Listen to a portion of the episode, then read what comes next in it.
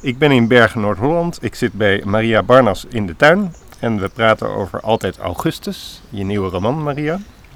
En ehm, die vindt plaats ehm, in de contraille van waar we nu zijn. Ja. Een steenworp afstand, kan je zeggen.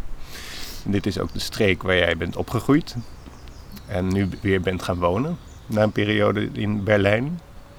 Voordat we de roman erbij pakken. ehm, hoe raar is het om te gaan wonen daar waar je weer bent, daar waar je bent opgegroeid? Het zou voor mij zijn alsof ik in Al van der Rijn zou gaan wonen. Waar Zou ik ben dat heel raar zijn? Ik weet het niet. Het is een beetje alsof je in je eigen jeugd eh, Ja. plaatsneemt. Ja, dat is ook echt waar. Dat is echt zo. Dat, dat is ook wel raar hoor.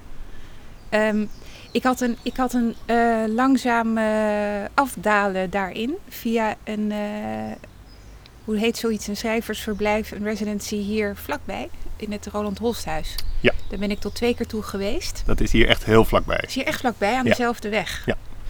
En eh, daar was ik tot twee keer toe een maand. Ja. En toen had ik echt die ervaring dat zeker toen ik in het bos rondfietste, waar ik ook rondfietste als eh, ontevreden puber, Ja. dat ik dacht ik fiets gewoon echt dwars door mijn jeugd Ja. heen. Ja. En dat was in eerste instantie helemaal niet zo'n prettige ervaring. En, maar steeds meer wel. Eh, en prettig, ja, wat is prettig? Maar laten we zeggen vruchtbaar. Dat ik eh, ideeën kreeg daarvan. Ja. En ehm, Goeie idee ook. goede ideeën, slechte ideeën. ja. Maar in ieder geval ideeën voor een langer verhaal. Van iets wat nog niet helemaal. eh, van, van, ja. Misschien verhaallijnen die daar gewoon nog letterlijk lagen. Ja. In die tijd, in die Mhm. omgeving. En ehm, er was ook een bosbrand. Dat was heel gek, want er, Dat was hier bij Schorrel. ja, Mhm. daar, er was iemand bos in brand aan het steken. ja. En ehm, toen dacht ik, toen ben ik daar ook heen gegaan en ik heb stukken van die, van die eh, verbrande bomen meegenomen. En ik heb daarmee getekend. Dat werd heel dramatisch. Dat waren hele slechte tekeningen. Wacht even hoor. Dus eh, er zijn hier bosbranden geweest. Je hebt daar eh, houtresten, zeg maar verkoolde houtresten van eh, meegenomen. En daar Ja. ben je mee gaan tekenen. Ja, Dat is bijzonder. heel sentimenteel. Ja, een soort van. Ja. Ja. Ja. En eh, ik dacht, en, en terwijl ik het deed, dacht ik, ah, dit is het niet. Dit is niet wat ik bedoel. Het was wel mooi om te doen, maar het levert er niet veel op. Hm. Er gewoon, Maar eventjes nog van, is dat eh, anders dan als je gewoon met normaal verkoold hout zou tekenen? ja, vond ik wel. Wat is het verschil? Ehm, nou ja, ook omdat ik dacht dat ik iets met eh, dat, dat eh, bos uit mijn jeugdherinneringen wilde doen. Dus dat ik die wilde tekenen. Was het dus net alsof ik met de, ja, nou letterlijk met de, met de assen van dat spul bezig was. En dat, het was een beetje te veel. Het, werd, ja, het idee was leuk, maar het, het, het leverde gewoon niet zoveel op. Het lag er iets te dik bovenop. Ja, ja, ja, dat was het. Zeker. ja. Maar goed, dat moet je dan toch doen, denk ik, om het te weten. Of misschien niet. Andere mensen hoeven dat helemaal niet te doen, om, om dat al bij voorbaat te weten. Hmm. Maar ik merkte wel dat, dat in deze omgeving zijn me al- allerlei ideeën gaf. Dus dat, eh, dat hielp wel met het beslissen uiteindelijk om hier weer te gaan wonen. Ja, want je bent hier eerst gaan wonen en toen aan deze roman gaan werken? Nee, ik ben Nee. in Berlijn begonnen. Precies. Ja, maar wel na, na zo'n eh, maand eh, in dat eh, huisje Oh ja, van, ja. van Roland Holst. Precies, ja. Ja, dus eh, ehm, dat heeft wel iets aangewakkerd. Ja, Ja. wat? Ehm, wat heeft het aangewakkerd? Ik, ik ging nadenken over die periode dat ik hier woonde. En ehm, als, als 15-jarige. En ik, ja, er kwam van alles terug van die periode. Van het, ehm, en het belangrijkste daarvan, wat ook in het boek terecht is gekomen, is ehm, het feit dat in die tijd ehm, eh, het boek van Salman Rushdie op- zo eh, groot en belangrijk was voor mij. De duivelsversen. De duivelsversie, ja. En eh, ik heb gedroomd dat Salman Rushdie eh, zich schuil hield in een eh ons tuinhuisje in Schoorl. Nou, dat is vrij letterlijk in het boek terechtgekomen. Ja. Ehm, ook omdat ik dat best een interessant iets vond. Dat ik dacht, hoe komt, hoe komt zo'n schrijver in een droom terecht? Mhm. Gewoon wat, en en daar, dat ben ik een beetje gaan uitpakken. Van wat, wat was daar allemaal aan de hand? Maar er zijn twee dingen. Een schrijver komt in een droom terecht. Ja. En een schrijver verschuilt zich in het tuinhuisje. Dat zijn natuurlijk twee verschillende dingen. Het ene kan er gewoon zijn dat je het gewoon droomt van Salman Rushdie die in Londen over straat loopt. Ja, Maar hij komt ook in je droom heel dichtbij. Hij komt Ja. echt in je achtertuin wonen. ja, Zowel bij jou persoonlijk als bij Augustus Antenne, de hoofdpersoon uit je roman. die droom heb ik dus in haar geval echt eh Ja. laten worden. En waarom zou Salman Rushdie jullie tuinhuis hebben uitgekozen om eh, zich eh, schuil te houden? Ja, nu, nu vind ik het lastig om... Hebben we het nu over mijn tuinhuis Ja. of over... Dat wou ik nog in het midden houden. Maar, ja, ja, eh, ja. dus- Oké, dat is misschien ook nog wel hetzelfde voor... Ja. Ehm, in mijn droom, denk ik, was het zo dat, dat ik me extreem verantwoordelijk voelde voor, voor hem. Voor wat hem overkwam op het moment dat die fatwa over hem werd uitgesproken. En ik, ik miste in mijn directe omgeving eh, hetzelfde verantwoordelijkheidsgevoel. En niet alleen in mijn omgeving, maar ook Bij jou of bij de anderen? bij anderen. Gewoon bij de. Het was een beetje alsof hij, ja, dan moest hij zich maar goed verschuilen. En daarmee was het probleem ook verstopt. Dus als, als hij zich maar goed genoeg schuilhield, dan was het probleem ook weg. Dat vond je toen als 15-jarige. Nee, dat leek, daar maakte ik me zorgen over. Maar daar maakte je je zorgen over als Ja. 15-jarige. Ik denk dat ik ouder was hoor, als we Oké. precies gaan narekenen. Maar ja. eh, in het, mijn romanpersonage is 15. Ja, sorry, ze denk lopen natuurlijk door was, elkaar. Ja, precies. Ja. Ja. ik was wat ouder, denk ik. Ja. Ehm, en, maar ik, ik, ik voelde me ook verantwoordelijk voor andere dingen. Dus ik had, ik, dat was iets waar ik denk ik mee bezig was. En, ehm, en ehm, ja, hoe zou, hoe zou dit nou in die droom, te- weet ik veel. Nou ja, nee, maar je zegt, ik voelde me verantwoordelijk voor dat en andere dingen, maar eigenlijk bij gebrek aan een gevoel van verantwoordelijkheid bij anderen, zeg maar. Dus dan voelde jij hem omdat anderen hem niet namen. Misschien ja. Ik, wil, ik wilde dat heel graag bespreken. En eh, ik dacht, daar, dat, dat is zo groot nieuws. Dan kunnen we een week toch niet normaal schoolwerk doen, bij wijze van spreken. En, maar nee, de lessen gingen gewoon door. En het was eigenlijk geen onderwerp. Nee. Maar de- had je dat eh, speciaal bij Rushdie? Of had je dat ook bij het uitbreken van de Falklandoorlog of zo? Dat was wat eerder natuurlijk. Maar, noem maar wat. Of, bij het, ja, eh, later bij het uitbreken van de Golfoorlog wel. Ja, dacht dat ik Oh ja. dat viel toevallig net in mijn eindexamentijd. Dat dacht ik mooi. Dan wordt dat wel waarschijnlijk even uitgesteld. Maar nee, niks daarvan Mhm. natuurlijk. Dat, het het, het ja. gewone leven wordt niet geïnterrumpeerd door dat soort eh, enorme gebeurtenissen. Nee. Nee. Maar neem je daarin eh, iemand iets kwalijk? Nee, ik heb me daar alleen over verbaasd. Ik Ja. moest daar nog volwassen in worden, denk ik. eh. hè, ik, dacht dat, ik dacht dat dat anders zou kunnen. Hm. Maar dat was niet zo. Zullen we even voor het overzicht gaan naar Augustus Antenne? Dat Ja. we het even over haar hebben. Ja.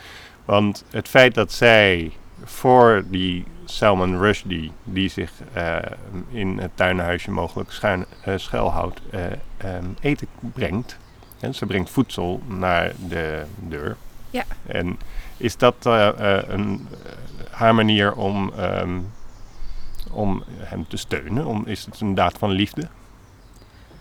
Niet alleen, want ze wil ook van dat eten af. Ze wil zelf dat eten niet opeten.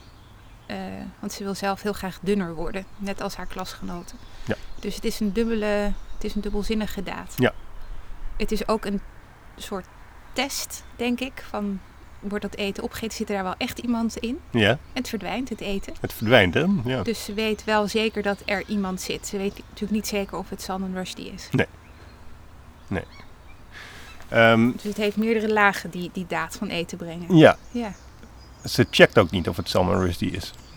Nee, ze gaat niet. Nee, nee, klopt.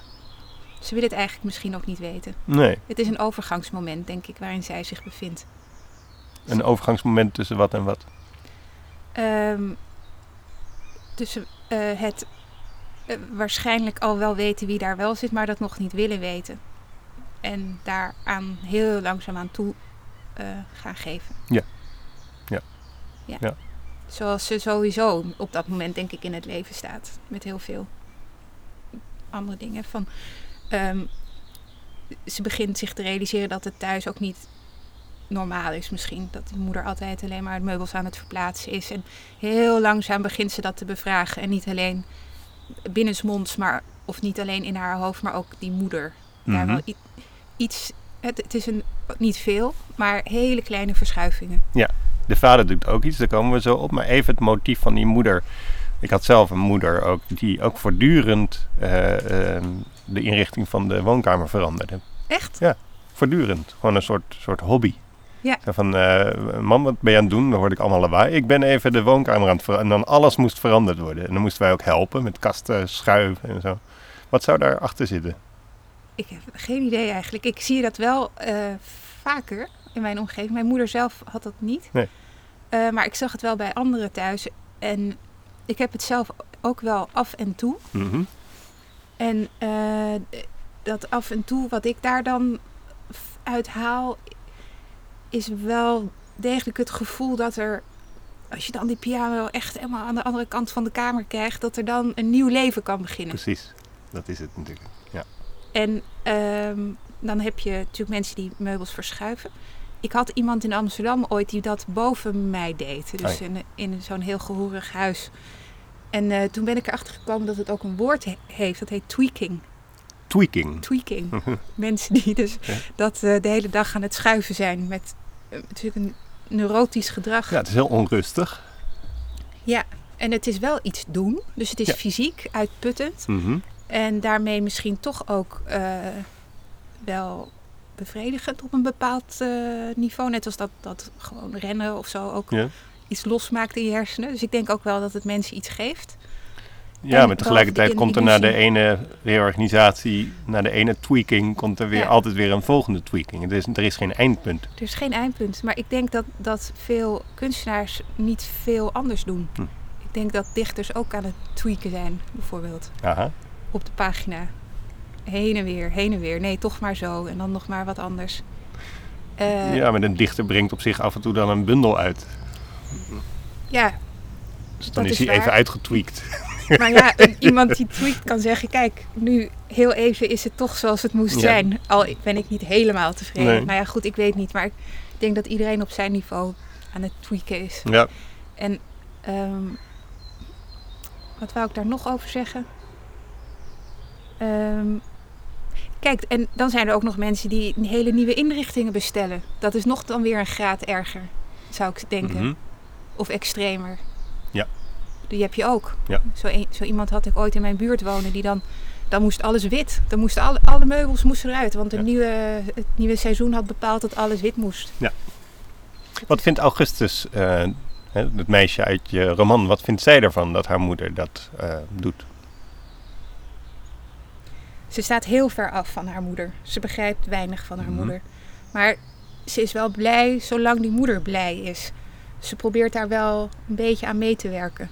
Ze is daar niet heel dwars in. Nee. Dus ze, want ze weet ook dat als ze daar tegen ingaat, dat die moeder weer heel veel yoga oefeningen moet doen en moet stretchen en ademhalen om weer tot zichzelf te komen. Dus eh, ze probeert die moeder ook een beetje rustig te houden. Komen we weer op het woord verantwoordelijkheid. Ja, dat denk ik wel, ja. Ik denk ook in zekere zin dat Augustus volwassener is of meer in de gaten heeft dan die moeder. Die is vooral bezig te ontkennen Ja. heel, van heel veel. Dus die wereld is heel klein. Ja, Die moeder, terwijl Augustus... Nou ja, goed, haar, haar concrete wereld is ook wel klein. Maar dus de wereld waarin ze in leeft, die, hè, ze beweegt zich in een kleine cirkel. Maar in haar hoofd is het veel wijder mhm. dan Ja. bij die moeder. Augustus, alleen. Eventueel Salman Rushdie in een schuur. Ehm, een moeder die voortdurend de inrichting verandert. En eh, zij draagt eigenlijk de verantwoordelijkheid min of meer voor het welzijn van haar moeder. Want als zij er verder niet over piept, dan eh, is die moeder, heeft die geen additionele yoga oefeningen nodig. En eh, gaat dat verder wel goed. Een vader is afwezig. Die is weg. Ja. En, ehm, maar hij is aanweziger dan ooit, zou je kunnen zeggen. Want hij stuurt haar ehm, gesproken brieven op cassettebandjes. Die eigenlijk alleen over hemzelf gaan. Die eigenlijk alleen over hemzelf gaan. ja. Dus die, Ja. die vader, waar is die naar op zoek? Een soort levensvervulling of zo? Een soort ehm, heilige graal? Wat, is, wat, is, wat zoekt die man, denk je? Ja, hij noemt het eh, dan dat hij zichzelf eh, moest vinden. Ja. En ik denk dat dat iets is wat veel, veel mensen zijn generatie ook aan het doen waren. Dat is een beetje de generatie van mijn ouders. Misschien ook wel die van jouw ouders. Ja. Ehm, en die, die hebben ook dat soort termen in, hun- in hun hoofd en in hun mond van... je- Je moet je hart volgen en je moet, ehm, hè, om een volledig mens te worden, moet je naar, goed luisteren naar, naar je diepste zelf. En daar, dat, ja, daar, daar was natuurlijk toen ook tijd en geld voor in die periode. En een soort naoorlogse, eh, ja, misschien meer genieten van het leven en van elkaar houding. Mhm. het maar, ja, het is gewoon de hippie-generatie natuurlijk.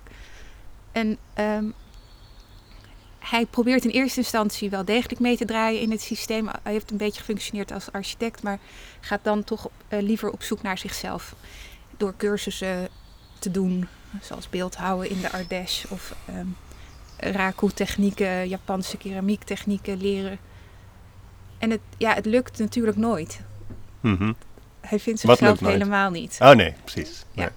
En dan probeert hij nog via andermans verhalen di- daar dichterbij te komen. Dus hij, hij vertelt Augustus eigenlijk, nou ja, misschien toch wel dingen die hij ontdekt via het bekijken van kunstwerken van anderen. Ja. Gebouwen en kunstwerken. Onder andere een, eh, een fascinerend werk. Al, eh, dat moet je even, even gaan, zelf gaan aanvullen hoor. Maar een fascinerend werk van, van een kunstenaar die van een muurtje afduikt. Yves Klein.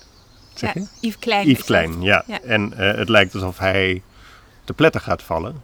Maar in het echt wordt hij opgevangen. Dus dat Ja. is een soort trucagefoto. Eh, maar dat is het beeld dat hij eh, aan, eh, vertelt in die gesproken brief aan zijn dochter. Het is een, het is een, het is een doodeng kunstwerk op een of andere manier. Ja. Ja, je denkt dat het een hele... Als mensen dit willen zien, moeten ze, wat moeten ze googlen? Yves Klein. zo dan le vide. De sprong in de leegte. Ja. Waarom vertelt hij haar over dat kunstwerk? Ehm, nou, ik wilde hem ook wel laten vertellen. ehm,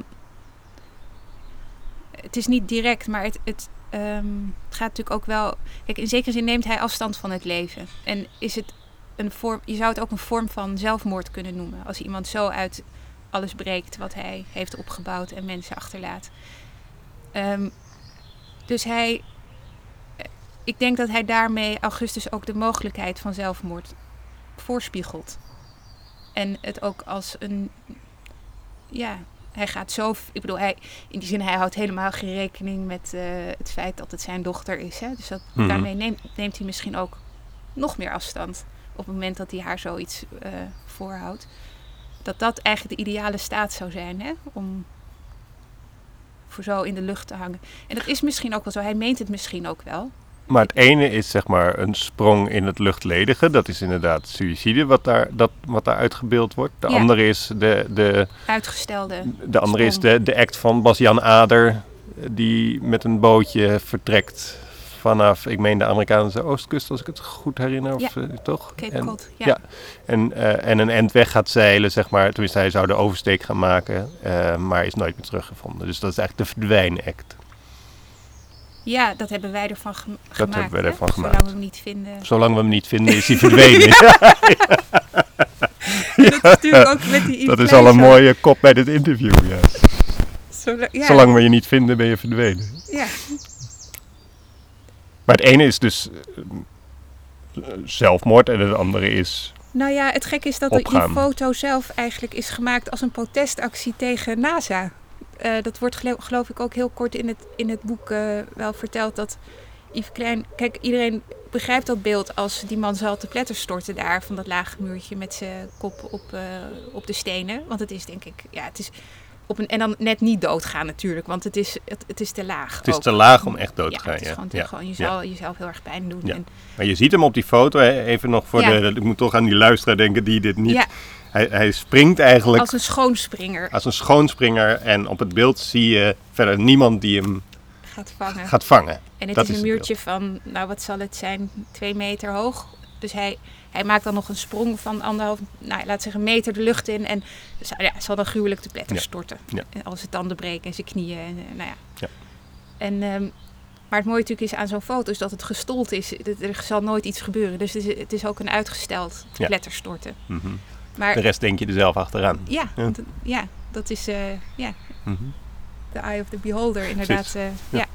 En ehm, eh, hij maakt het als een protest te- in de tijd dat de eerste maanlanding zou gaan plaatsvinden. Daar was hij tegen. Hij vond dat helemaal niet nodig. En hij zei, ik kan, nu, ik kan vanaf hier de ruimte inspringen. Ik heb, we hebben al die techniek niet nodig. eigenlijk heel conservatief Mhm. Soort denken. Ja. Ja. Uit wel een heel prachtig kunstwerk is ontstaan. Ja, zeker. Maar ehm, is deze man die zichzelf gaat vinden en eh, zijn eigen dochter op geen enkele manier blijkbaar als. Tenminste, ogenschijnlijk niet echt als dochter beschouwt, ook niet aanspreekt als zodanig. ehm, is dat een waardeloze kerel? Dat is een hele goede vraag. Ehm, je zou ook kunnen zeggen, hij neemt haar uiterst serieus als gesprekspartner. En is dat niet het grootste compliment dat je een kind kan geven? Dat wil ik ook echt in het midden eh, laten. Ik, vind dat, ja, dat is echt een vraag. Mhm. Maar is dit een gesprek? antwoord- Nee, het is een, geen gesprek natuurlijk. Nee. Nee. Nee, dat is een. eh, nee, het is geen gesprek. Maar het is misschien wel het beste wat hij op dat moment kan. Mhm. Ja. Ja. Eh, Dus hij, hij kan het niet om daar te zijn. nee. Eh, hij kan die vaderrol niet vervullen. Maar hij deelt wel zijn. eh, nou ja, goed, zover hij kan zijn diepste gedachten. Ja, maar zijn het zijn dochter. gedachten. Ja. Het zijn geen gevoelens. Nee. Nee. Het is bijna een soort hoorcollege af en toe. Ja, en dan ook nog van iemand die erg van zichzelf overtuigd is en heel, ja, ook erg irritant kan zijn. Ja. Dus eh, ja, Leert Augustus iets van zijn hoorcolleges? denk het niet. Nou, hooguit. hooguit allerlei autoriteiten niet serieus te nemen Ja. misschien. Ja. Ja. ja. Ja, daar prikt ze op een gegeven moment wel doorheen. En daar hangt natuurlijk een hele andere grote vraag boven, die misschien al eerder gesteld is, dat zou ik niet weten. Maar ehm, ze stuurt geen gesproken brieven terug. Nee. Wat op zich een kenmerk is van correspondentie, is natuurlijk dat je elkaar schrijft. Ja, waarom doet ze dat niet? ik denk dat het eh, soort brieven dat die vader stuurt niet uitnodigt om op te antwoorden. Nee. Dat ze dat ook al aanvoelt voordat ze eigenlijk een weerzin begint te ontwikkelen tegen die monologen. Mhm. Ehm, en ehm, ja, misschien komt het ook gewoon niet in erop.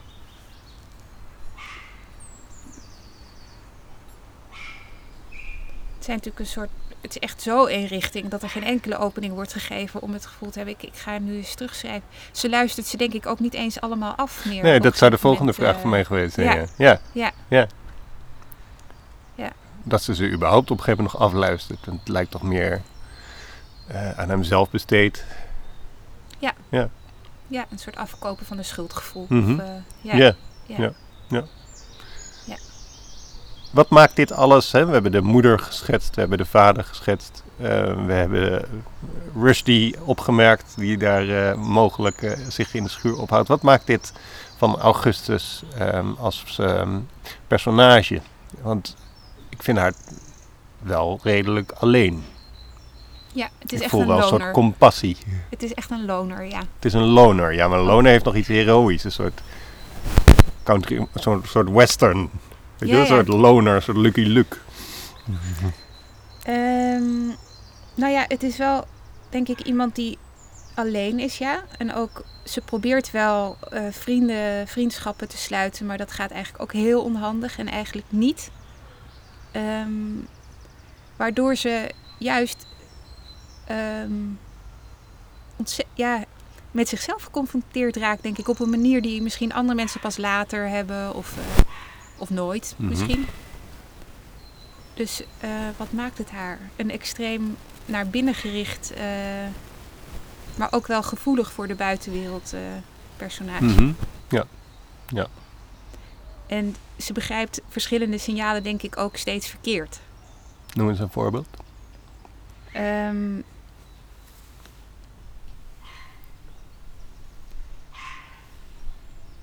als vriendinnen dan of klasgenoten proberen een, iets, een hand uit te steken, zeg maar, dan neemt ze dat of te letterlijk of te, te serieus. Waardoor het dan ook weer net niet goed gaat. Mhm. Ehm, soms lijkt het even goed te gaan, maar dan, dan gelooft ze dat ook meteen. Dat als, als Vita, dat klasgenootje, dan bij haar een keer uitnodigt. En dan, maar dat is dan eigenlijk alleen maar omdat een, een ander vriendinnetje weer iemand anders had uitgenodigd. Dan denkt ze toch werkelijk dat het een vriendschap is. En dan blijkt dat, nou ja, dan is dat, stelt dat even later toch weer heel weinig voor. Ja, ja. Dus, ehm, en ze legt ook bijvoorbeeld een briefje neer voor haar moeder, die dan moet denken dat ze wel werkt aan haar sociale contacten. Maar eigenlijk eh, gaat het niet. Nee, het is, het is, eh, het is vooral een, een groot hoofd waarbinnen van alles eh, zich afspeelt. Mhm. Ja. Misschien wel meer hoofd dan lichaam. ja, ja, zo ja. Ja. ja. Ja. En is het dan noodzakelijk... Ik bedoel, had deze roman ook in Venlo kunnen afspelen? Eh, ja, dat Ja? denk ik wel.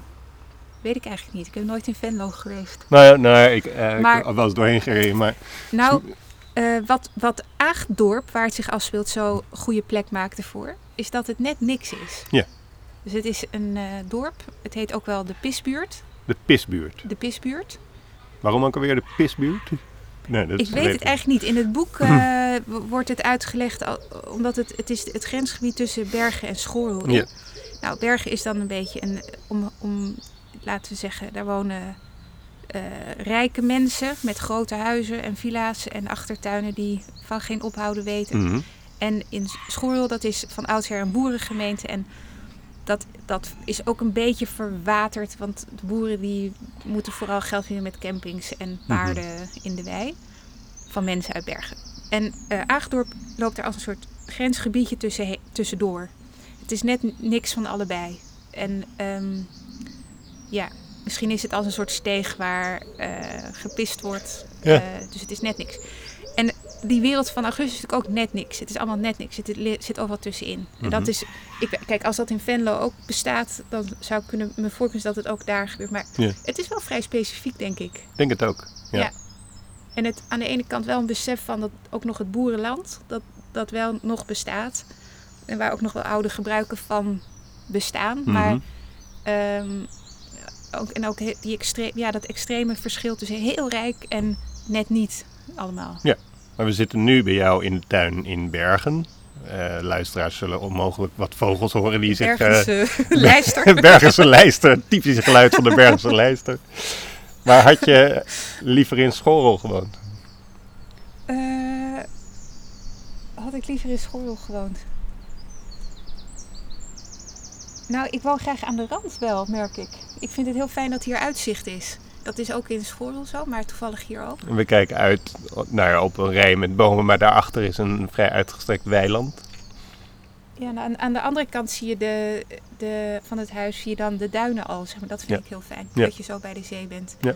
En dat is een Schorrel ook, Groet ook, Egmond. Dat zou ik ook allemaal prima vinden. Ja. Amsterdam ook.